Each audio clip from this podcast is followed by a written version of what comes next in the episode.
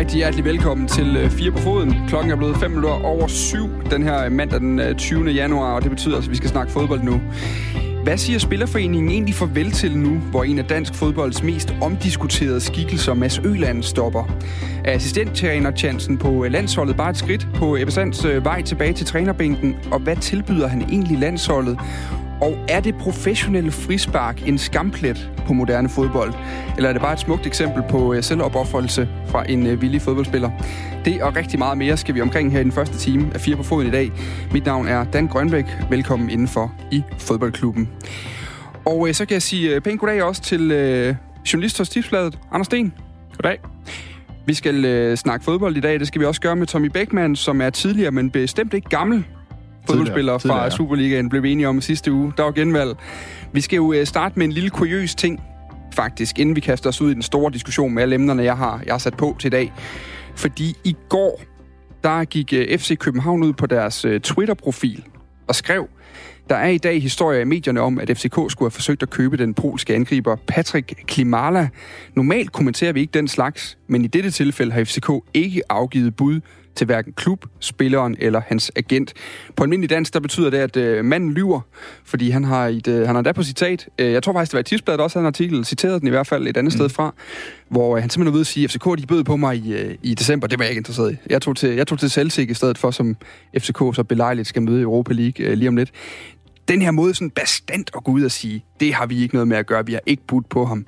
Hvad, hvad skal vi læse i det? Jeg tror, vi skal læse i det, at de træt af at, at blive brugt. Øhm, som vi også talte om lige, lige inden vi gik på her, det er jo nok øh, en klub som FCK bliver nok brugt øh, sådan af agenter og spillere til at, at, at, at tale øh, spilleren op eller tale deres værdi op. Mm. Og det tror jeg bare, FCK har fået nok af. Men, men altså, det er da sådan noget normalt, så tænker man, en, en stor klub som FCK, de har efterhånden også en europæisk, øh, relativt stor berøringsflade. De har øh, helt sikkert formodentlig kigget på ham her, Patrick Klimala, på et tidspunkt. Han har scoret relativt, øh, relativt godt med mål for både det polske 21-landshold og sin, sin tidligere klub. Altså, det, hvorfor ikke bare lade sådan noget fade ud? Altså, det kan man da bare gøre. Ja, det ligner heller ikke FCK. Jeg synes, de, de plejer jo faktisk meget at være ude og sige, at vi, vi øh, kommenterer ikke konkret på, på rygter. Øhm, så det er lidt i den, i den modsatte grøft. Nu kom, kommenterer de på, på, på ting, der ikke blev mm. til noget øh, og sige, at de ikke har haft nogen interesse. Øh, jeg, som du siger, jeg tror også, at, at det er noget at gøre med, at de simpelthen er blevet trætte af at blive brugt. Øh, jeg kunne forestille mig her i løbet af sådan en transfervindue, der foregår nok rigtig meget øh, med at tale spillerne op, med at sige, at der er nogle, nogle, nogle klubber, der er interesseret i ham her. Hvis I vil ham, så skal vi hurtigt ud, og I skal betale noget mere. Det ene og det andet og det tredje, og det kan være, FCK, det, det, ja, det hænger nok langt ud af halsen eller andet sted at blive brugt på den måde, og så har sagt, øh, har sagt stop til det. Jamen, hvordan foregår det egentlig? Fordi det, vi skal, det er også bare lige en lille kort ting med Tommy Beckmann. Du har jo selv lavet skifter i din karriere. Du har været i Tyskland, så skiftede du rundt ned i Tyskland til, fra Bochum til Freiburg, så vidt jeg husker, og så hjem til Danmark igen på et tidspunkt til Sønderjysk. Altså, hvordan, hvordan gør man det? Sidder man og kigger på sin agent og siger, prøv, skal vi ikke lige... Øh, hvem kunne være interesseret? FCK? Kunne man ikke, kunne man ikke melde det ud, og så, øh, og så får vi sat lidt gang i den her proces? Jeg tager det, jeg sidder og venter. Nej, nu i min tilfælde var der så mange interessante, at det var ikke, det, det var ikke nødvendigt at skabe øh, interesse på den måde. Nej, jamen, altså, det, det, det var egentlig ikke noget, vi drøftede som sådan, men, men jo, det hører man da. Øh, specielt med, med spillere, der for eksempel snart har kontrakt udløb, så handler det om for de spillere, det skal ud i pressen, at, at øh, nu, nu er kontrakten ved at løbe ud, nu skal folk ligesom gøre sig opmærksom på, at der er en, der er en spiller, der kan være interessant for andre klubber. Mm. Øh, det kan du gøre gennem pressen, og det er også derfor, at der er mange, der har agenter. Det er jo netop for, at de kan gøre det. For de kan ringe rundt til de, til de forskellige klubber og skabe noget interesse. Og nogle gange kan det da godt være sådan en agent, han, han skyder en lille hvid løgn af, eller en, eller en pyntet sandhed og siger, at der, der er mere interesse, end, end der nu ret beset er. Nu er der i hvert fald opstået øh, diskussion på Twitter. Nu er der en, der skriver derinde, øh, Klimala Patrick er han blevet tagget i øh, den her polske spiller, så har skrevet, let's sell this once and for all. Og hvis ikke de får gjort det på Twitter, så får de i hvert fald gjort det den 20. februar, hvor de, øh, hvor de altså øh, tager imod Celtic i første øh, kamp i øh, Europa Leagues øh, knockout-runde her øh, på hjemmebane i, i parken. Med den lille historie kan jeg altså sige rigtig hjertelig velkommen folk til Fire på Foden. Du lytter til Fire på Foden på Radio 4. Fodbold er et arbejdsmarked på lige fod med alle andre. Tagtækkeren og bageren har jo også forskellige overenskomster. Alle erhverv er specielle, men fodboldspillere har også ret til en ordentlig overenskomst. Jeg synes heller ikke, jeg er unødigt hård eller stedig. Mine kolleger i LO synes endda nogle gange, jeg er for blød og for langmodig med klubberne. Det her det er et citat. Det kommer fra øh, den tidligere spillerdirektør, eller spillerforeningsdirektør Mads Øland. Det er fra Berlingske for 2013. I fredags, der stoppede han som øh, direktør i Spillerforeningen, et job han har haft siden 1997, hvor han selv stoppede sin, øh, sin aktive karriere. Inden vi ligesom går til diskussionen med Mads altså først og fremmest, hvad, hvis vi ligesom, alle har jo haft travlt med at male eftermælet op nu i løbet af weekenden, hvad vil I primært huske Mads Øland for, hvis vi starter med dig, Tommy Beckmann? Uh, øh, det er et godt spørgsmål. Øh, jeg tænker, det, det er nogle hårde forhandlinger, han har været igennem. Han har siddet i dem mange gange. Øhm, det har været nu. Jeg har selv været med øh, til en af dem. Øh, det er, hvad det er, en 3-4 år siden over i, ved forlisinstansen, mm. hvor det var ved at øh, gå helt til kage, og vi skulle fodboldspillerne skulle til at strække igen. Det, det endte heldigvis ikke så vidt, men øhm, jeg husker ham for, for at være en, en, en, en, en hård forhandler øh, på, på spillernes vejen, og altid øh, kigge efter spillernes ved og vel, øh, i forhold til at få de bedst mulige forhold for, for spillerne. Og, og det er jo, det er jo ligesom øh, spillerkontrakt, det er jo ligesom så mange andre øh, arbejdsmarkedskontrakter, der er en minimumsløn, og der er nogle minimumssatser, man ligesom skal øh, opfylde, og dem har han selvfølgelig været med til at få, få bygget op. Og så har han også været med omkring spillerforeningen og få bygget meget op derinde. Mm. Øh, da jeg startede med at spille fodbold og var professionel, der spillerforeningen var, var egentlig bare nogen, der kiggede efter, at, at forholdene i kontrakterne øh, blev, blev overholdt. Øh, I dag er spillerforeningen meget mere. Det handler også meget om efteruddannelse af spillere. Det handler om at få spillere øh, i job, når de er færdige med fodbold, hjælpe dem videre, fordi det er jo lidt en, en, en, en svær overgang for mange fodboldspillere, når du stopper. Mm. Hvad skal du så? Og der, der gør Spillerforeningen meget i dag.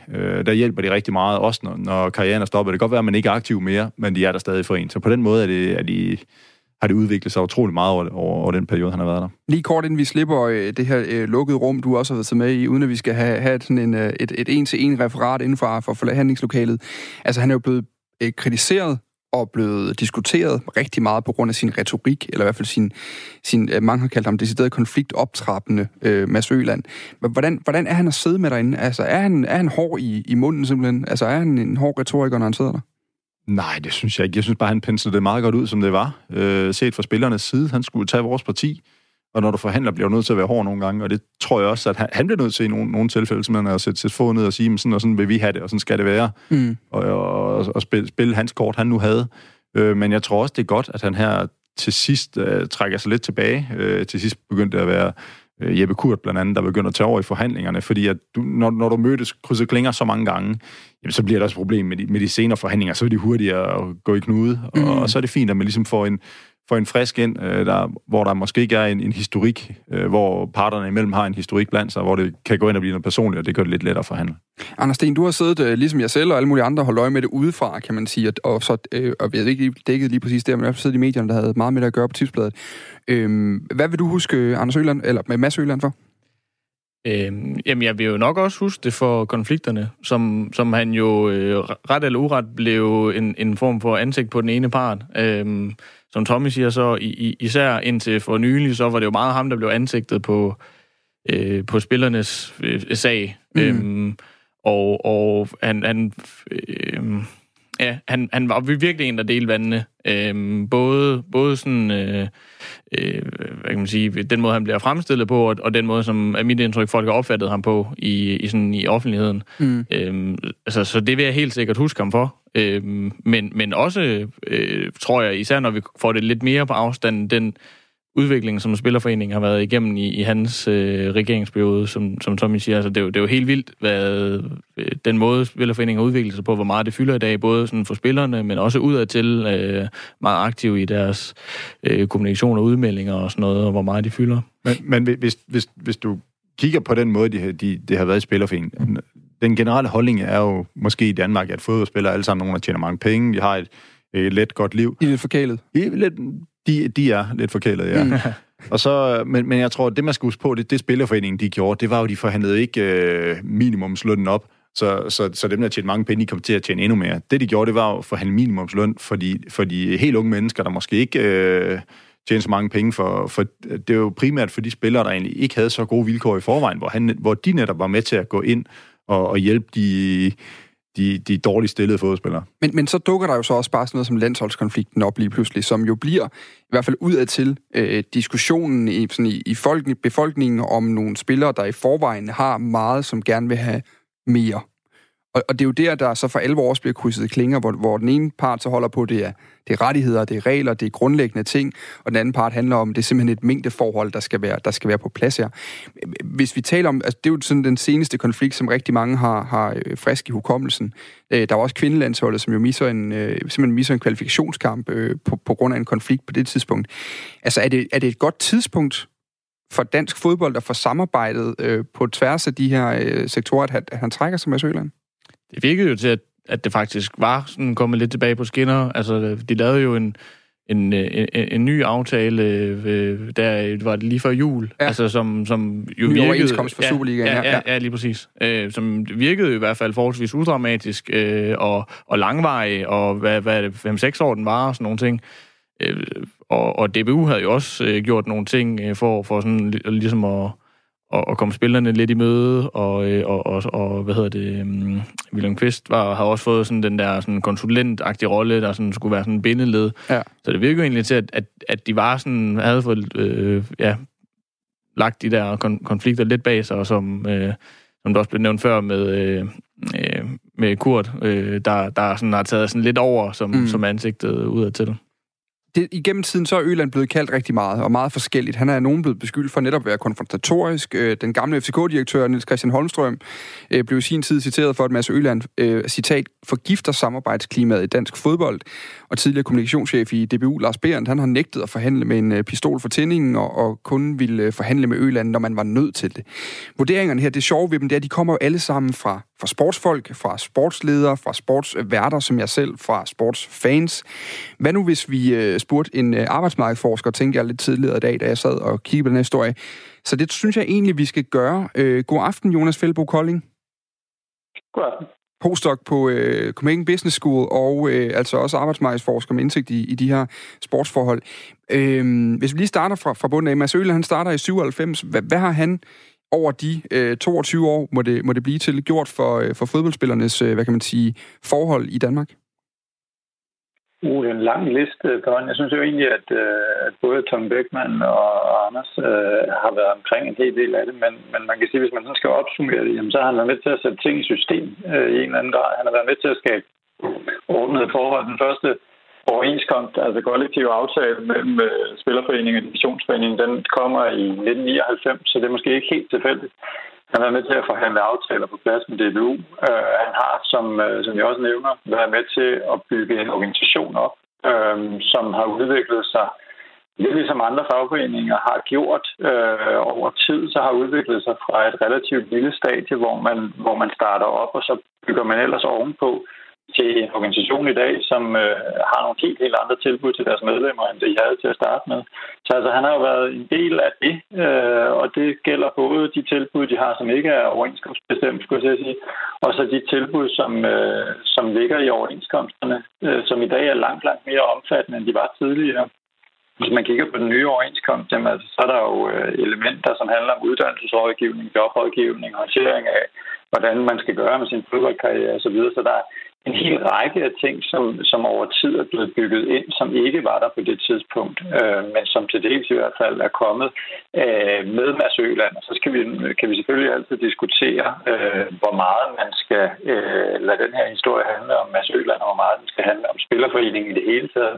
Mads Øland er jo blevet billedet og personificeringen på Spillerforeningen, og det er der nok også gode grunde til, og han har virkelig også fyldt meget. Mm. Men det er nødvendigt at, have øje for, at, at han selvfølgelig hele tiden har, har haft et, øh, en, en medlemskare, som han har skulle tage hensyn til, og en bestyrelse, som han har været nødt til at forholde sig til.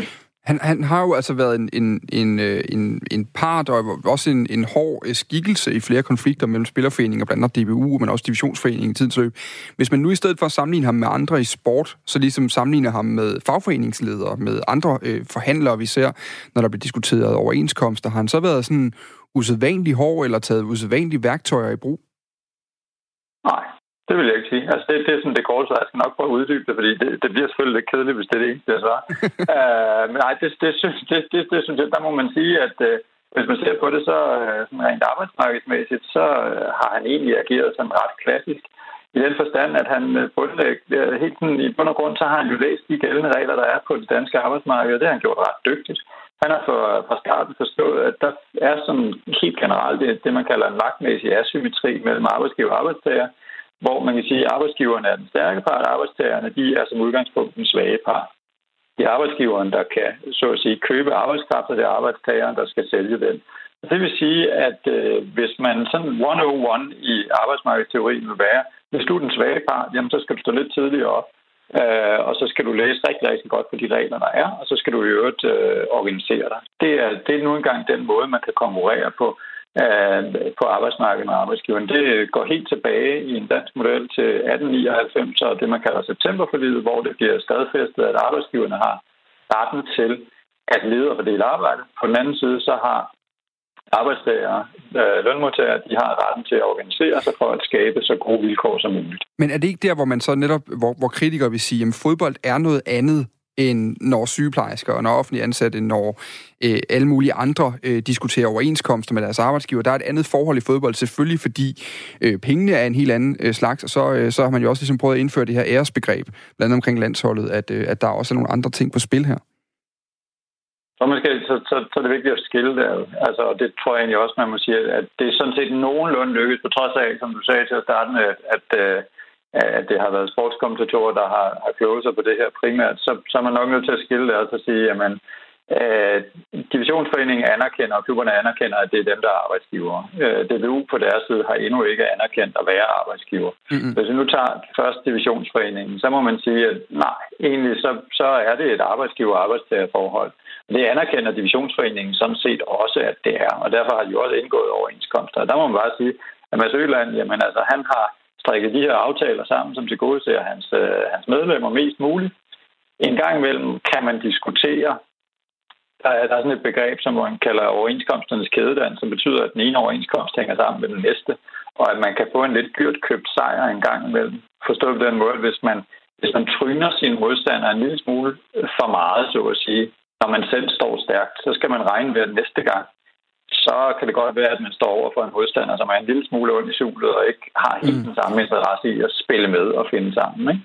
Vi vender lige tilbage til dig lige om øh, et kort øjeblik, Jonas Philip Kolding. Du må gerne lige blive hængende. Øh, Tommy Beckmann og Anders Sten, ja. Øh, noget af det, han taler om her, er jo også, at, at netop sammenligningen mellem fodbold som et arbejdsmarked med en, med en arbejdstager og en arbejdsgiver, og så resten af arbejdsmarkedet. Altså, hvad er der for nogle... Kan man godt sammenligne de ting, eller er det okay, når især fodboldfans jo nogle gange godt kan sidde og kigge... Vi var inde omkring den, den forkælede fodboldspiller som stereotyp før, øhm, og sige, at der er nogle specielle forhold, der gør sig gældende her. Det kan man simpelthen ikke sammenligne med, når, når sygeplejersker øh, skal, have, skal have styr på deres øh, overenskomst.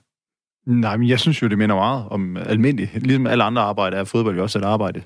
Øhm, men som siger, der er bare meget mere bevågenhed på det, og der er andre forventninger udefra med, med fans, der, der mener, at alle fodboldspillere skal have et hjerte i den klub, de nu er i. Øh, mm. Sådan er det ikke altid. Øh, fodboldspillere har også en, en begrænset levetid, øh, hvor de også skal nå at tjene nogle penge, og, og det, det, det, det er fodboldspillere også godt klar over, at de, de kan måske være professionelle i, i godt 15 år, og der handler det også om at, at skabe de bedste forudsætninger for, for livet bagefter, og det er trods alt lettere, hvis du har har sparet lidt op hen ad vejen, og det var der, Spillerforeningen har med til at hjælpe til, mm. også øh, med blandt andet de her pensionsordninger, der er inde over. Det ene og det andet, der, der er sket undervejs. Så jeg, jeg synes, at det, det er et helt almindeligt arbejdsgiver-arbejdstagerforhold. Anders, det er en af de ting, der, der var rigtig interessante med, med Mads Øland, det var jo øh, feriepengesagen i sin tid, hvor, hvor der jo var, jeg tror det var Brøndby, der var alvorlige problemer, fordi han holdt fast på spillernes ret til feriepenge, fordi det jo netop var et arbejdsmarked, og det, det får alle andre. Øh, det er jo sådan et sted, hvor der nok har siddet rigtig mange fodboldfans, der og tænkt, feriepenge, Altså, de der i forvejen rigtig godt lønnede, de der fodboldspillere, hvorfor er det lige pludselig et issue, de skal, de skal kæmpe med? Altså, har der simpelthen bare været en fejltolkning af det, eller er, det, er, den, er den god nok, den her? Jamen, det, det handler vel om at se på, hvad han har været ansat til. Altså, han, han har jo været ansat som spillernes mand, øhm, så, så han har jo været, altså, haft en helt klar interesse i at, at, at varetage deres interesser, og, og, og ville det så godt som muligt for dem.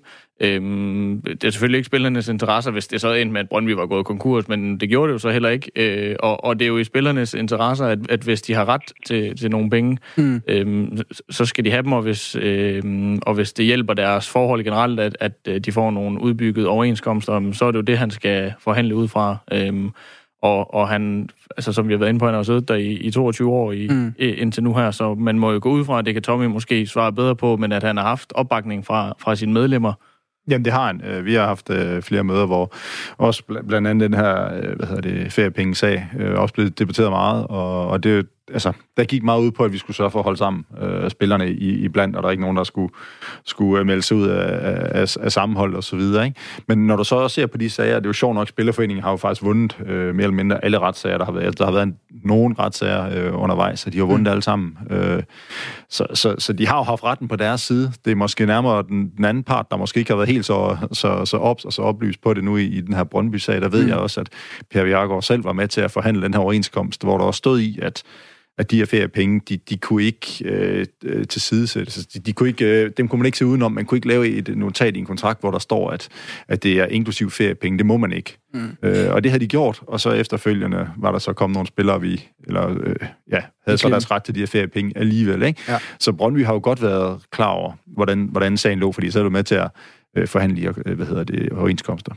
Jonas Fældbo Kolding, noget af det, du øh, fortalte mig, da vi talte sammen på forhånd, det var også, at noget af det, Mads Øl, han har gjort, det er, at han har professionaliseret hele det her øh, felt inden for, øh, for arbejdsmarkedsregler på fodboldområdet. Altså han har simpelthen kommet ind med noget viden, og har udviklet både sin Øh, spillerforeningen, som vi også har talt lidt om, og deres øh, tilgang til det, men jo i kraft af, øh, de, de, øh, hvis man kalder det nederlag, som modparten har lidt, også udviklet modparten løbende. De var også nødt til at være skarpere på deres ting. Så når man jo så en lang periode her nu, hvor der har været aftaler, der har været konflikter osv.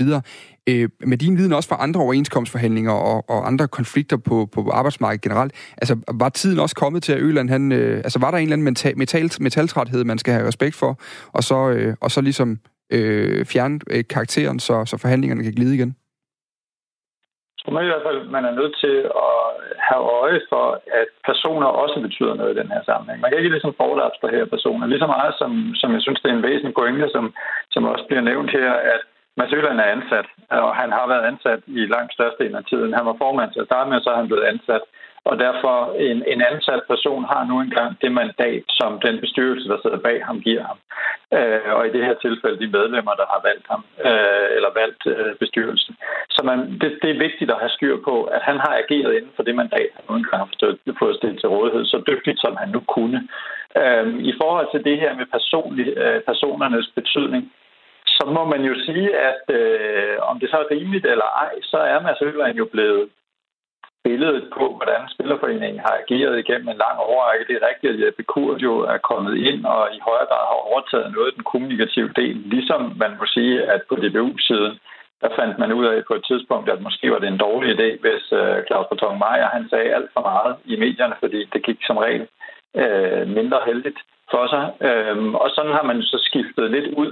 Det er mm. sådan set heller ikke nyt som sådan. Altså, man har jo holdt fast på trods af det her, og på trods af, at der i flere omgange over flere af de her konflikter har været argumenteret for, at Mads Øland skulle skiftes helt ud og smides ud, skulle jeg til at sige, så har man jo valgt at holde fast, og det tror jeg sådan set, man har gjort i erkendelse af, at Mads Øland har været knalddygtig mm. øh, til sit arbejde, og man har gerne vil have ham bagved.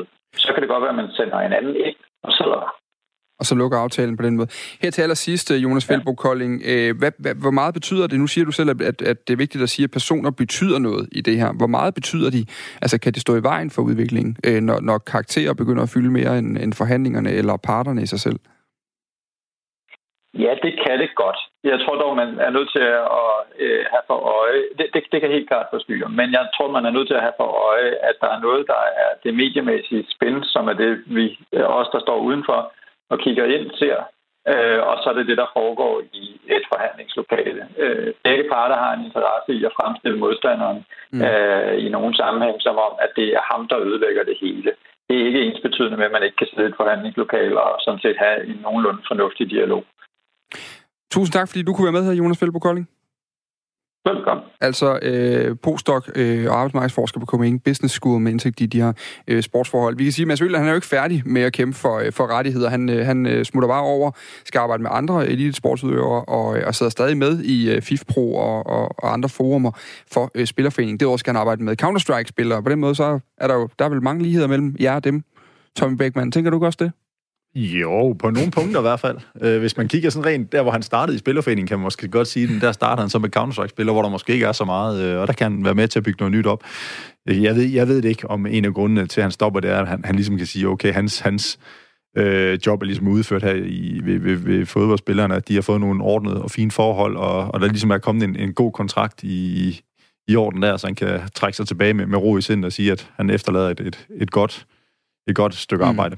Vi må se om uh, computerspillenes uh, Claus Breton Meyer derude, de sidder eller nu og ryster en lille smule i bukserne for, hvad der sker om, uh, om 10 år. Du lytter til 4 på foden på Radio 4. Og øh, nu skal vi lige høre et øh, bånd. Vi skal lige nogle år tilbage. I får lov til at prøve lige at gætte øh, årstallet. Der må blive mere plads med i det nigerianske forsvar. Jeg synes ellers, Peter Møller har kæmpet flot. Altså, han har stået over for to meget stærke forsvar, der individuelt og fysisk er meget stærke. Ej, se den der til Ebbe Sand. Og langt over Ebbe Sand! Ja! 3-0! Han er lige kommet ind. Han er lige kommet ind. Første boldberøring. Vi skal have et årstal, Anders Sten. 1998. Fuldstændig korrekt. Nigeria, hvad ender kampen, Tom Beckmann? Er det ikke 4-1 til Danmark? Jeg tror, du har fuldstændig ret i. Det er i hvert fald målet til 3-0, som øh, Ebbe Sand, han øh, propper ind her over det medfølgende jubelbrøl fra Værge Frimand, øh, der altså sidder og kommenterer kampen for Danmarks Radio på det tidspunkt. Han er jo for længst færdig med at score mål i øh, landsholdstrøjen, men nu skal han altså til slutrunde øh, en gang mere til sommer, efter han i øh, fredags blev udnævnt som Jon Duel Thomasons afløser og assistenttræner for Åke Harreide frem til sommer, hvor Vihorst og Julemand tager over med landsholdet.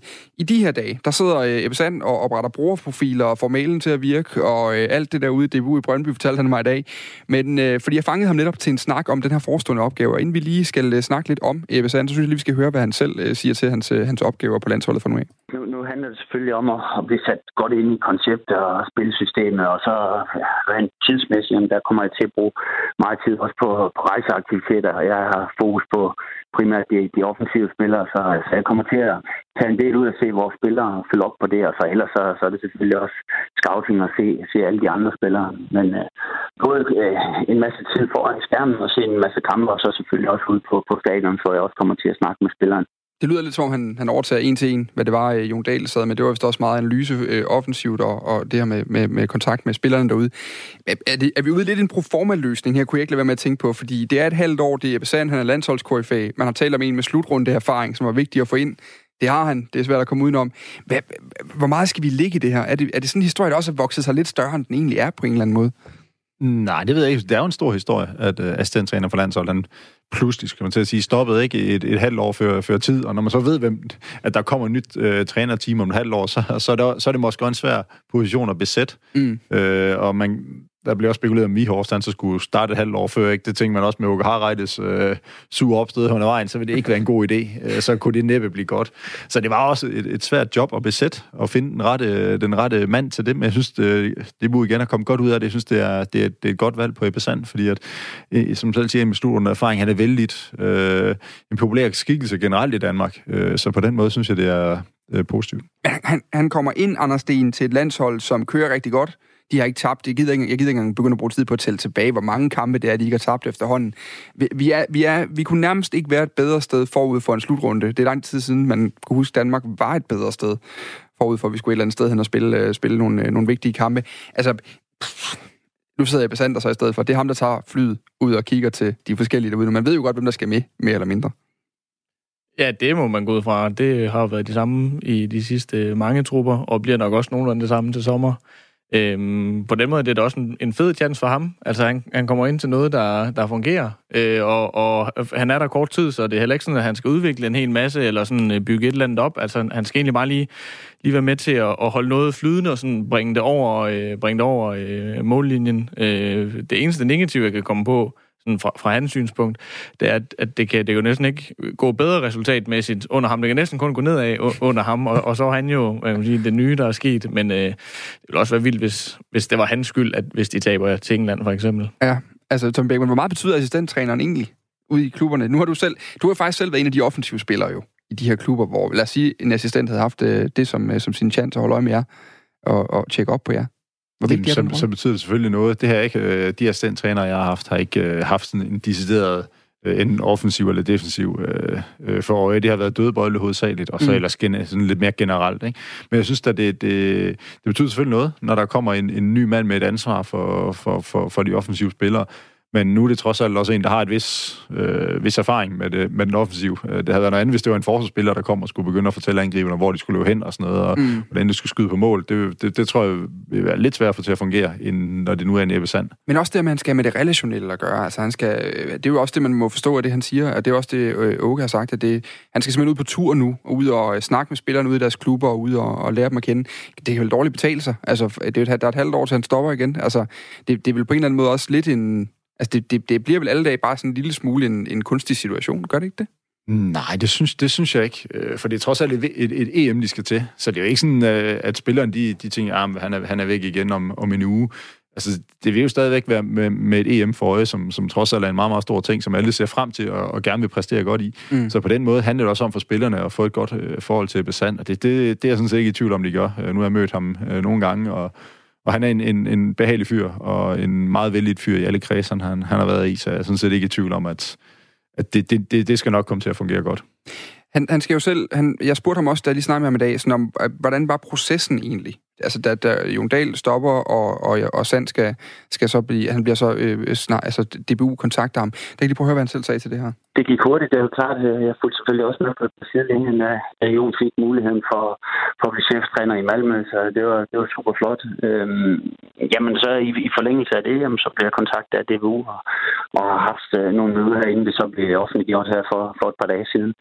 Så jeg er selvfølgelig utrolig glad og stolt over, at, at pilen pegede min meget. Jeg glæder mig vildt meget til, til endnu en slutrunde, og ikke mindst en slutrunde på, på hjemmebane, som jo selvfølgelig på alle mulige måder er helt unik. Havde du nogle forbehold ved at gå ind til en stilling som den her i forhold til både noget tid, men også, også det tidspunkt, den overtages på? Nej, det havde jeg faktisk ikke. Ja, der var flere, der sagt, sagt ja, men det er jo kun en kort kontrakt, men uh, jeg synes bestemt ikke, det er noget med at kunne en kort kontrakt. For mig synes jeg, det er, det er en fantastisk mulighed øh, at stå, øh, stå over for en, en på hjemmebane, som sagt, og komme ind og, og bidrage til, til forhåbentlig en succesrig øh, slutrunde og nogle gode testkampe op til. Jamen, så er det sådan set uafhængig af, om, om aftalen kun i anden sæson gælder til og med slutrunden. Jeg synes, det er en fantastisk spændende mulighed, som jeg selvfølgelig takker jer til med det samme. Hvad er der at vinde for Ebbe Sand i det her, Anders Sten? Øhm, en plads tilbage i trænerverdenen. Øhm, kunne være et bud. Øh, han går også altså, lidt, lidt øh, træls ud af det i Brøndby. Øhm, øh, så kan man selvfølgelig altid diskutere om, hvis skyld det var, og det, det ved jeg ikke, hvis skyld det var, men det var i hvert fald ikke, ikke det, han havde drømt om, da han, da han gik ind til det der. Altså, så, så det er jo også en, en måde, sådan, måske lige at vise fodbold Danmark, at øh, Ebbe Sand stadigvæk er en, en kompetent fodboldmand, øh, der, der har noget at, at, at byde på også i, i 2020. Øhm, og så er der jo bare en, en mega fed oplevelse, tænker jeg. Øh, det må da være kæmpestort, som man også selv siger. Altså EM på hjemmebane, og en mand, der jo ellers har oplevet store ting i, i sin karriere, også masser af slutrunder og landskampe og kampe i Tyskland osv.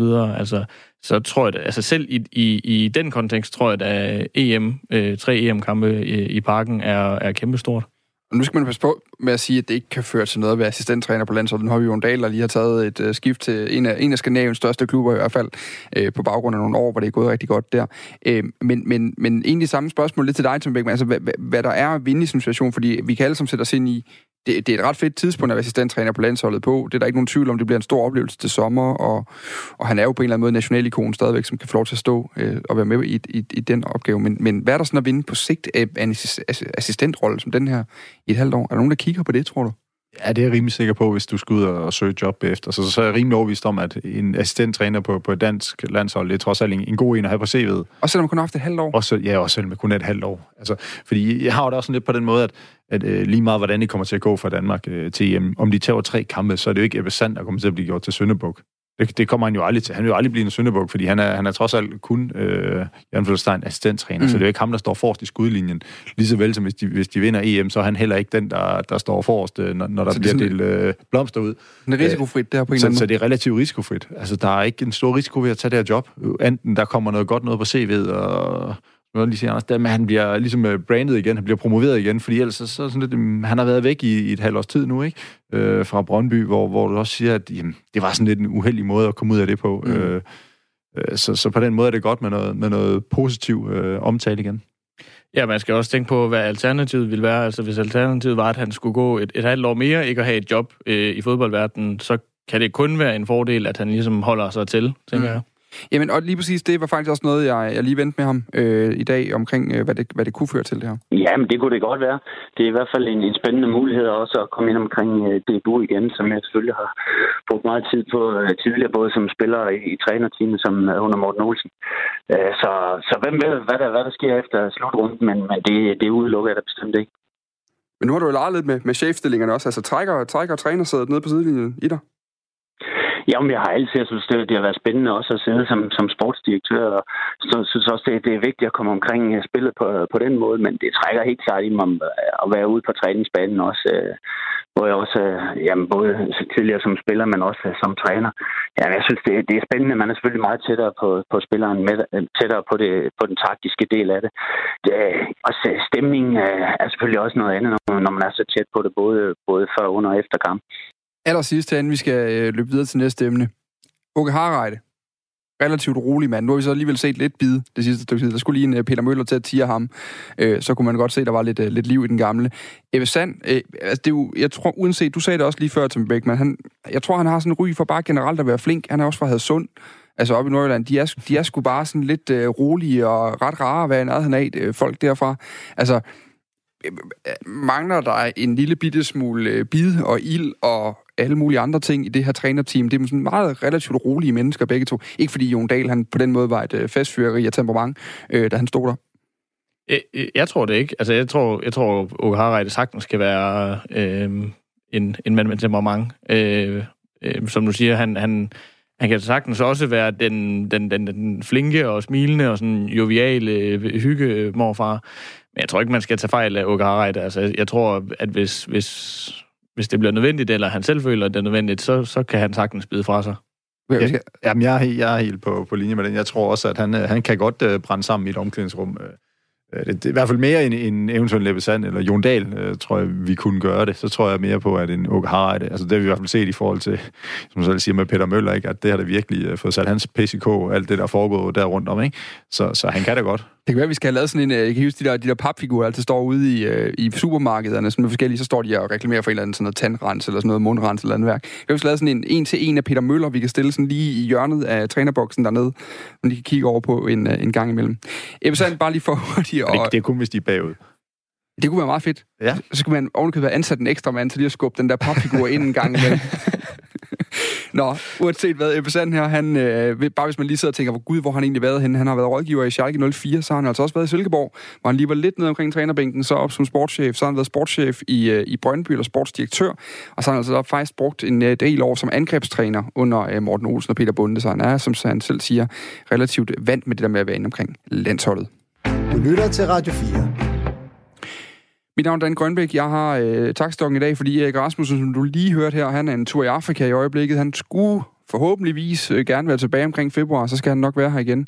I dag der har jeg besøg af Tommy Beckmann og Anders Sten, henholdsvis øh, tidligere fodboldspiller og øh, nuværende sportsjournalist i studiet her. Nu skal vi lige øh, høre en historie her, de her. Øh, jeg sætter lige i gang med lyd her nu, I kan få lov til at, at sidde og nyde. Real Madrid, de vandt i sidste weekend den her øh, moderne alternative udgave af den arabiske, eller no, nej, øh, den spanske Supercup. Og øh, vi skal her på bagkant lige tage en øh, omgang mere med selve finalen. For det vi hører lige nu, det er to spanske kommentatorer, som altså bliver rigtig sure, som bliver rigtig oprørte over, at Federico Valverde, han simpelthen hiver benene på Atleticos angriber øh, Alvaro Morata fem minutter øh, før tid i den øh, i den forlængede spilletid simpelthen. Det, der sker, det er simpelthen, at Morata bliver spillet fri med en stikning i dybden. Han er forbi forsvaret. Så har han så bare ikke lige tænkt over, at han har altså sådan en lille øh, kynisk ung uruguaner hængende øh, lige bag sig, som simpelthen kaster sig ned og sakser øh, det bagerste ben øh, på Morata. Han ruller rundt. Øh, Valverde får selvfølgelig et rødt kort, fordi han er bagerste mand øh, og saver ham ned. Men ikke desto mindre, så bliver han også man of the match. Fordi det ender faktisk med, at øh, hvad hedder det, de går i straffesparkskonkurrence. Real Madrid, øh, der er det jo ligegyldigt, om du er 10 eller 11. Real Madrid går ind og vinder straffesparkskonkurrencen, vinder den her øh, øh, arabiske eller spanske øh, Supercup. Og øh, på den måde, så var vi lige pludselig et sted, hvor en altså sådan klokkeklar snydeforseelse afgør en fodboldkamp, som jeg sad og så det. Jeg har sådan gået og tænkt lidt over det, fordi vi snakker altid om det her professionelle frispark. Debatten har også været i England hen over jul. Jeg sad ved Guardiolas øh, City, som også laver mange af de her øh, sådan lille hiv i trøjen på midten af banen, når der er en omstilling imod dig. Øh, vi taler altid om den som sådan noget, oh, det er kynisk, Ej, han er godt nok intelligent, ham fodboldspilleren, der gør det der. Så får han lige stoppet kontraangrebet, det er godt nok smart. Men det slog mig her, jeg synes faktisk, det er snyd, da jeg sad og kiggede på Valverde. Hvad, hvad, hvad tænkte I der, I så den? Altså, jeg, jeg synes jo... Øh, øh, altså, jeg kan godt forstå, at han gør det.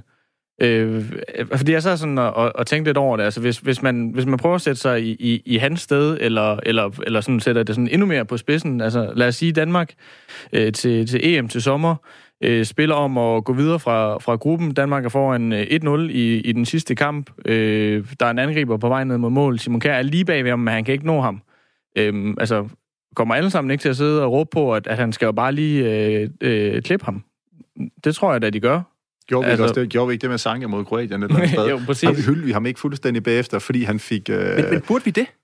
Altså, det er jo det, er jo det yeah. hvor jeg, jeg tænker over det, fordi altså, det der også, at man lige skal vide med Valverde her, det er jo, altså, der er jo ingen chance i verden for, at han når bolden. Altså, bolden er måske mm. 10 meter foran ham. Det eneste, han kan nå, det er at kaste sig ned med benene forrest og håbe at tage benene på Morata. Det er så det, han gør, og det vinder de kampen på. Har du gjort det samme, Tommy? Ja, det håber jeg godt nok. Det, det har jeg da store forventninger om, jeg gjorde, øh, hvis jeg kunne nå ham. Det er nok nærmere der problemet. Men som udgangspunkt, så ja, selvfølgelig gør man da det. Altså, det er et professionelt frispark. Der sætter man sig selv øh, over holdet, kan man sige. Han får et rødt kort, bliver vist ud. Øh, men selvfølgelig, selvfølgelig skal man da gøre det. Sætter du ikke også dig selv over reglerne i, i sidste ende? Altså, Nej, fordi for, han, man bliver jo straffet for det. Du, du, der er frispark. Du laver et frispark. Det er jo ikke sådan, han står og brokker sig. Det er jo ikke sådan, at Valverde går over og siger, at jeg rørte ham ikke. Altså, det er jo ikke med den på. Altså, han, han, han, jeg, jeg ved, hvordan skal man forklare det? er jo ikke sådan, at han, han holder sig inden for lovens rammer på en eller anden måde. Ikke? Han, bliver, mm. han bliver vist ud. Han, de andre får frispark, og, og så er den skid slået. Men det, det er bare ikke, altså det, det, det ser bare lidt voldsomt ud, fordi det er på den måde overlagt. Det er, jo, det, det lige nu sådan en overlagt mor, han laver på en bagfra, men det bliver han jo nødt til at gøre. Mm. Jeg tror også, den kære Simeone for, for Let's Go, altså han havde jo... Han havde bedt Morata om at gøre nøjagtigt det samme, hvis det gik en anden vej, ikke? Ja. ja. Han var jo faktisk ude at udtale, Simeone, at, at, at han havde sagt til, øh, til ham, Real Madrid-spilleren, at... Øh, øh, jeg sagde til ham, at øh, han gjorde, hvad han måtte gøre i det øjeblik. Altså, så, så selv Simeone kunne godt trods alt selv se, at altså, der var ikke andet at gøre. Jeg, jeg synes jo ikke, det er usportsligt. Det er jo ikke usportsligt, ligesom hvis øh, da vi så øh, mod Nordsjælland med, med Shakhtar Donetsk, hvor ham, øh, Luis Adriano, han tager bolden, hvor jeg lige står og kigger. Sådan noget det er usportsligt. Det her, det synes jeg ikke, det er usportsligt. Men så er vi igen ude i det her nødvendighedens argument. Altså det, det er, øh, man ligesom siger, jamen det var han jo nødt til at gøre. Det er øh, spillet, der står højest. Han gør noget for sit hold. Så er vi igen ude i den her diskurs, hvor man taler om det her. Han, han, han tager altså en for holdet her øh, og så videre. Men i sidste ende, så kan man sige, en, at frisparket er vel til for, hvis man, altså uden at skulle definere frisparket, det er der andre, der har gjort meget klogere end mig tidligere, men lad os nu sige, øh, du var kendt for at tyre rigtig hårdt til kuglen, dengang du spillede Tommy Beckmann. Der er en, der lige prikker til kuglen. Du tyrer ham en over knæet til gengæld. Der er frispark. Måske endda et kort, hvis du sparkede, var i din da jeg sparkede helt hårdt øh, på det tidspunkt. Der kan man sige, der er frispark. Det er et rent frispark. Det kan vi alle sammen se. Det var, øh, det var en fejl. Det var en forseelse sådan videre. Det her, der er det jo, altså, øh, det er jo langt uden for spillet, kan man sige. Bolden er langt væk. Han har ingen chance for at spille spillet på en reel og retfærdig måde. Så han snyder jo. Nej, det gør han ikke, fordi han, han, han udnytter de muligheder, der nu er. Altså, det, det er jo en, en, en option, der er sat op. Altså, så må man sige, så skulle de have fået lov til at få et, øh, et straffespark. Så kan man sige, okay, hvis du tager en så oplagt mu- øh, mulighed væk på den mm. måde, så skal man lave regler om at sige, men så skal de have et straffespark i stedet for. Mm. For det, det, det er det nærmeste, du kommer en, en tilsvarende situation. Men sådan er reglerne nu engang ikke, altså derfor er det jo bare at, at, at sparke ham ned. Anders Sten? Ja, jeg, jeg vil bare sige, jeg, jeg, jeg synes jo faktisk, at øh, der, altså der var jeg godt sådan kan forstå, der hvor du som prøver at provokere os lidt, lidt hen imod, øh, det er det, at, øh, hvad kan man sige, straffen han får, står ikke rigtig mål med med den skade, han sådan, så at sige, i godsøjen forvolder mod, mod modstanderen. Du behøver slet ikke lave godsøjen ja. der. Det er en decideret skade, han forvolder, ja, fordi de taber det, ja. kampen på det. Ja, præcis. Og, altså, Muligvis. Man ved ikke, om han har scoret. Det kan godt være, han har en fri. Ja, det er Morata. Han, han brænder han også. Brænder, han brænder. præcis. øhm, altså, det er egentlig der, jeg sådan godt kan forstå, kan forstå lidt, øh, fordi Atletico Madrid har jo ikke rigtig nogen øh, hvad kan man sige, fordel ud af, at, at øh, forsvarsspilleren bliver udvist i, hvad var det, i overtiden, eller altså aller sidst i hvert fald. Ja, der er 4 minutter og ja. 30 sekunder. Så ja, præcis. Det var rigtig sent i kampen, og, øh, og fik jo i hvert fald heller ikke scoret, men som var væk. Altså, så det er sådan det eneste, hvor jeg sådan godt kan, kan forstå, at der er sådan et, et mismatch mellem, øh, mellem hvad kan man sige, øh, det, den straf, han får, og, og, og, og, og den, øh, den det, det, der går ud over modstanderen. Mm. Øhm, det, det kan jeg egentlig godt forstå, men omvendt, altså, så prøvede jeg også at tænke over, jamen, øh, hvad skulle man så gøre? Altså, så skulle det jo måske, som Tommy siger, være, at, at man skulle lave en eller anden regel om, at hvis man er tilpas fri, så kan man få et straffespark alligevel. Sådan, mm. Det tror, ligesom det i tror, man har gjort i håndbold. Øh, har det ikke noget, man har gjort i håndbold egentlig? At hvis det er sådan, du... Øh, jeg skynder mig at hoppe videre, når vi tager håndboldreferencer Det, det, uh... Jamen, der er noget med, hvis du, hvis du uh, bremser et angreb, eller der er et eller andet, der til, i de sidste sekunder, så kan, de andre, så kan du rent faktisk få et straffekast imod dig. Ikke, at jeg er håndboldekspert, det skal jeg slet ikke kaste på. det er ikke nogen af os, der tør... Det, det er bare for at sige, jeg tror, der er en, en lignende regel findes i, i mm. håndbold. God aften, Frederik Stjernfeldt. God aften.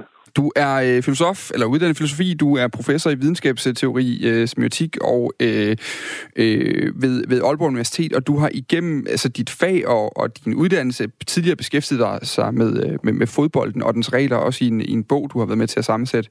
Øh, er prof- jeg, jeg, jeg, lad os bare blive det her valværdige eksempel. Jeg kan godt øh, købe den, at jeg synes, det er snyd. Øh, den, at jeg kan godt øh, sige, at jeg er i undertal her i studiet på den, øh, den, den holdning. Hvordan havde du det, da du så den? Altså, jeg kan godt se, hvad du mener med det, men altså, øh, øh, man kan jo sige, at det er jo en øh, perception, som typisk vil skifte efter, hvad for et hold du holder med. Ikke? Altså, øh, den, den, der holder med det hold, øh, som har den spiller, der begår det, det professionelle øh, prisbak, vil jo typisk synes, at det var godt, mens modparten vil blive stærkt forarvet. Ikke? Altså, så, så derfor ligger den og vipper det her. Ikke? Og det er jo også mm. derfor, at professionelle prisbak som kategori er noget andet end almindelige prisbak. Altså, almindelige prisbak er ligesom forudset i FIFAs regelsæt. Ikke? Altså, det er jo øh, to spillere, går efter bolden. Øh, ingen ved, hvem der når den først. Ham, der når den... Øh, sidst kommer derfor til at spænde ben for ham, der øh, kæmpede så godt, at han nåede den først. Det er et almindeligt, øh, uforsætteligt øh, prismark, som der, som der er et, et, et, et, en, til 20 stykker af i hver kamp. Ikke? Og, og, øh, og der er ikke noget professionelt over det. Ikke? Altså det, der så er professionelt, og det er også der, jeg synes, det er en interessant kategori, fordi der er jo sådan en grænsekategori mellem de almindelige frispark, og så øh, simpelthen noget, som nærmest ville være genstand for straffeloven. Ikke? Altså, øh, og det er jo, at der er den der kynisme i det, ikke? Altså, at, øh, at du... Øh, øh, du går efter benene, som vi så i det her tilfælde, velvidende, at du aldrig kunne nå bolden. Ikke? Altså, mm. Så det er ikke en ligelig kamp om at nå bolden, hvor den ene taber, og den anden vinder. Øh, så, så, og, øh, og, og derfor er det jo... Jeg synes, det er en spændende kategori, fordi den er jo professionel på mere end en måde. Ikke? Altså, den er jo professionel på, på den måde, som vi lige har hørt, I har diskuteret i, i studiet. Ikke? Altså, at det er noget, man gør øh, øh som professionel for at ofre sig for holdet i de her særlige tilfælde. Men ja. det er jo også professionelt øh, tit på øh, i hvert fald en eller to andre måder. Altså nogle gange, det var så ikke tilfælde i, i øh, casen her med Valverde, men, men altså øh, nogle gange, så vil øh, den spiller, der begår det, det professionelle frispark, jo lægge en yderligere, en yderligere lag af professionalisme oveni, som er, at han vil forsøge at lade som om, at det var et almindeligt frispark. Ikke? Altså, altså det, den kategori kender vi også. Ikke? Altså, ja. At øh, man øh, får fat i, i benet på øh, og, og, og øh, stopper den der angriber, som er lige ved at få en fridøber. Og så, og, så, og så står man ud med armene mm. bagefter, og, som om man var den hvide uskyld. Ikke? Det, det, er jo ligesom et, et andet lag af professionalisme. Og så, og så er der et tredje lag, som er, at før du overhovedet gør det, så skal du jo vurdere, er, det nu, er, er der nu grund til det her? Altså, typisk vil du ikke gøre det, hvis der er en modstander, der får en friløber i starten af kampen, fordi så vil du... Så, så vil du øh, så, så vil noget du med konsekvensen tænke, opvejer handlingen, kan man sige, ikke? Ja, det er det ikke. Altså, altså, fordi så bliver du, altså, hvis du bliver smidt ud i det femte minut af en, en kamp, så har dit hold en, en, en, en rigtig stor ulempe. Altså, hvis du bliver smidt ud de sidste tre minutter, som vi også lige talte om her før, det, det skader jo ikke holdets indsats særlig meget. Vel? Altså, så, så du, vil, du, vil, du vil typisk lave en øh, professionel kalkyle og sige, jamen jeg afvejer det, fordi jeg gør det kun øh, når, der, når der er rigtig brug for det. Altså, og, og det vil typisk sige hen mod kampens afslutning. Og typisk John, også jo, altså, øh, hvis, hvis det er en øh, friløber, som kan give en øh, pointændrende handling, ikke? Altså, ja. hvis du kan ændre uafgjort til sejr, eller ændre nederlag til uafgjort, ikke? Altså, det, altså, det er jo, altså, så, så der er også en, en professionalisme der i at overveje, hvornår gør jeg det her? Ikke? Fordi du gør det ikke med enhver friløber, vel? Nej, men jeg kunne godt tænke mig lige at bringe et andet eksempel ind til alle tre, faktisk. Jeg ved ikke, om I kan huske kampen mellem Uruguay og Ghana. Det er ved en slutrunde for nogle år siden. Øh, jeg Ej, husker... det ikke. Og det, så forklarer jeg den for dig, Frederik Stjernfeldt, fordi ja. vi er i en situation, hvor, øh, hvor jeg kan faktisk ikke huske, om der står uafgjort på det her tidspunkt. Det tror jeg, der gør. Og, og så har, er der en bold, der ryger lidt rundt ind i feltet. Øh, Ghana er i angreb. De står op i Uruguays øh, straffefelt. Bolden ryger lidt rundt. Den bliver hamret ind mod øh, målet flere gange. Til sidst så er den altså på vej i mål, hvor Luis Suarez han simpelthen sætter sådan en, øh, jeg, jeg tror det hedder et løft i volley, men simpelthen bare to hænder på bolden og skubber den ud af målet. Det er godt huske. Ja, ja det er rigtigt. Og, og det, for mig, der var det, der, der tænker jeg, Valverdes frispark her, eller hans røde kort, eller hvad, man, øh, hvad det, vi nu skal beskrive som, det ligger tættere på det, Suarez gør i den kamp, som vi alle sammen kunne blive ret enige om. Det var decideret usportsligt og imod reglerne, øh, og imod spillets ånd, og imod al øh, form for fairness. Øh, end det er på et almindeligt frispark her. Hvordan, bare lige øh, kort, tænker du om, om sådan et tilfælde? For er det mere klart at, at snakke ud fra, måske? Altså, nu er Suarez jo, hvad skal man sige, kreativ spiller, ikke? Altså, øh, det kan man godt sige. Han er, han er jo en, øh, en øh, type, der finder på, på ting i kampens side, og kan vide om den der øh, håndredning på stregene, som du, øh, som du gengiver der, kan vide om den var professionel i betydning kalkuleret, eller reagerer han er han bare sådan spontant, altså ligesom når han øh, sætter tænderne i, i øret på en eller anden, ikke? Altså, øh, det tror jeg, det, altså, det er jo heller ikke, det er jo ikke noget, han, han gør ud fra, fra professionel kalkyle. Det, det gør han bare, fordi han er, han er den der eksplosive spiller, som mm. han er. Så, så, så det er ikke sikkert, at de er helt samme kategori. Altså, fordi der, der, jeg mener, det, det er ikke sikkert, at, at der ligger den der, den der kølige kalkyle i det. Tommy Beckmann og Arne Sten, altså Suarez eksemplet her, vil, vil det også være i orden, Tommy Beckmann? Selvfølgelig er det det. Jeg ser ikke noget problem i det. At han får igen men, han men får det er jo sin fodbold, det er jo ikke håndbold. Altså, han, det, det han må ikke godt. bruge hænderne. Nej, nej, men det er jo igen, han, han, han, han, han vil gøre alt for at vinde. Han, han mm. vil bare vinde en fodboldkamp, eller spille uafgjort. Han vil i hvert fald undgå at tabe, ikke? Mm. Ja, selvfølgelig. Og, det, og det, det, er jo der, han så bare tager de midler i brug, der nu er. Altså, og, og han får straffen. Jamen, de får da straf. Men ja, han bliver, ja, de, de, de, brænder, kort det, det, det hører også med til historien, at de brænder straffet Ghana, og så ender det, hvis med Uruguay går videre efter. Jeg tror altså også, det er efter straffesparkskolen. Så, ja. så, så, han får karantæne og så videre, så han får ja. jo en straf. Det er jo ikke sådan, han går ustraffet derfra. Så han, det er jo igen, han, han benytter bare de muligheder, der nu engang er. Anders Sten? Jeg synes der, hvis man skal skille et sted, så skal det være mellem øh, situationer som de her to, som er sådan noget, der står, øh, opstår, øh, og, og det jo er en, altså en desperat øh, nødhandling øh, mm. i, i begge tilfælde. Og så dem, der, der er sådan mere altså systematisk øh, begår, begår øh, sådan små frispark og sådan, altså på andre måder sådan, øh, er, er beregnende på, på mm. at omgå reglerne, eller i hvert fald øh, udnytte reglerne til deres fordel. Altså, fordi det er jo sådan netop beregnende, hvor man sådan på forhånd har planlagt, at, at nu skal jeg i hvert fald bøje reglerne, eller, eller udnytte reglerne til min ja, fordel. Ja. Jeg kunne godt tænke mig lige at sige, hvad, hvad skal vi med øh, fairplay-kampagner, og med alt muligt andet, vi prøver at lære vores børn, når de spiller fodbold, at man skal spille efter reglerne, og, øh, og så... Man skal i hvert fald lade være med at udnævne til kampen spiller. Så meget vil jeg gerne have med. men, men, men har vi ikke et... Øh, og nu, åh, den er stor åbne, fordi vi har lige præcis to minutter, så jeg skal begynde at runde ned til nyhederne. Jeg, skal... jeg, jeg, jeg, jeg, jeg vil godt lige sige, at jeg, jeg synes at Tommy har ret i at sige, at øh, det er jo bare reglerne, der bliver udnyttet. Men altså, så kan man sige, hvis det tager overhånd, og vi, og vi begynder at se øh, store mængder af professionelle frispark i enhver kamp, så bliver man nødt til at stramme mm. regelsættet. Ikke? Altså, altså, altså karantænereglerne altså, eventuelt? Ja, ikke? Altså, så, altså, det kunne jo ske. Altså, altså ikke, at jeg taler på, at det skulle ske. Men altså, hvis du nu forestiller dig, at der var mange flere professionelle frispark i en grad, så det simpelthen ødelagde kampen og kamprytmen og alt det der, så vil man jo nødt til at gøre sådan noget. Ikke? Altså, altså jeg, jeg synes jo heller ikke, at, at, at det her nødvendigvis er et problem, for det, det er sjældent, det sker. Det er meget, meget sjældent. Det er sjældent. Og så kan man ja. sige, øh, kan man lide det eller ej, men det er så sjældent. Det, det, det, det, det, der irriterer mig mere, hvor jeg synes, det bliver mere usportsligt, det er, hvis der er en, der laver frispark, han tager bolden i hånden og løber væk. Ikke? Så, er det jo, så er vi ude ja, i noget, jamen ja. altså, hvad har det med noget at gøre? Og det er for, det er for sjældent, de bliver straffet. Ikke? Ja. Så det burde man have en klar regel om, at lad bolden ligge, eller det er gul kort. Altså, der, der kan du godt gå ind og tage nogle, nogle andre remedier i brug, og, og, og slå hårdere ned for det, fordi det synes jeg, det er værre ja. i forhold til fair play. Jeg vil gerne lige prøve at lave sådan et... Nå, et altså, der er jo, øh, der er jo professionelle frispark af forskellige arter af ondskab, vil jeg også sige. Altså et meget klassisk en, det er jo, at du meget tidligt i kampen forsøger på at skade dit modstanderholds bedste spillere. Ikke? Altså, ja. det, er jo, det, det, er jo ligesom en værre kategori end dem, vi har talt om her. Ikke? Altså, at, du, at, du, at du ligesom kynisk går efter at sparke Messi, eller hvem det nu kunne være, ned på et tidligt tidspunkt, for, for simpelthen at svække modstanderholdets ja. øh, kampkraft. Ikke? Altså, det, det, det vil jeg synes er en værre kategori, end, end, end dem, vi, vi, vi lige har haft op og denne her. Ikke? Altså. Lige til allersidst, og vi har altså meget få sekunder tilbage her nu, men, men øh, det, der så var det helt sjove bagefter, det er, at synes jeg i hvert fald helt personligt, når, når det er sådan en, der synes ligger meget i grænsefældet, det er, at han får en kamps karantæne for det her. Øh, en kamp skal Valverde sidde udenfor, for på den måde faktisk at have kostet. Han har jo kostet Atletico, øh, formodentlig må vi sige, hvis han har scoret og alt det han, det ved jeg godt, at der er nogle ting. Han har kostet dem muligheden i hvert fald, en åben mulighed for at få et trofæ, som de så selv har taget Det er med. nok for vildt.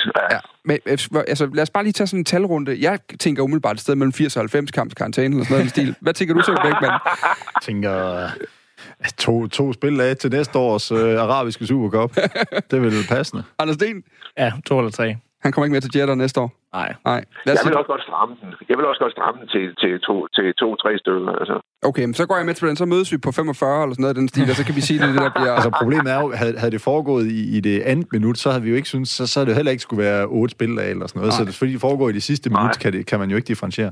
Tak for, at du var med, Frederik Stjernfeldt. Selv tak. God aften til dig. Og øh, så vil jeg gerne lige plante øh, en tanke i dit hoved, altså dig, øh, lytteren derude. Forestil dig, at hovedstød blev fjernet fra fodbold. Fuldstændig. Ikke mere. Ikke flere dueller i øvre luftlag. Ikke flere Jan Koller og Shane Duffy-typer, der kunne reagere for tronen op i skyerne. Den tanke skal vi forbi i anden time af Fire på Foden i dag, lige på den anden side af en bunke nyheder, som du får lige nu serveret af Sine Ribergaard.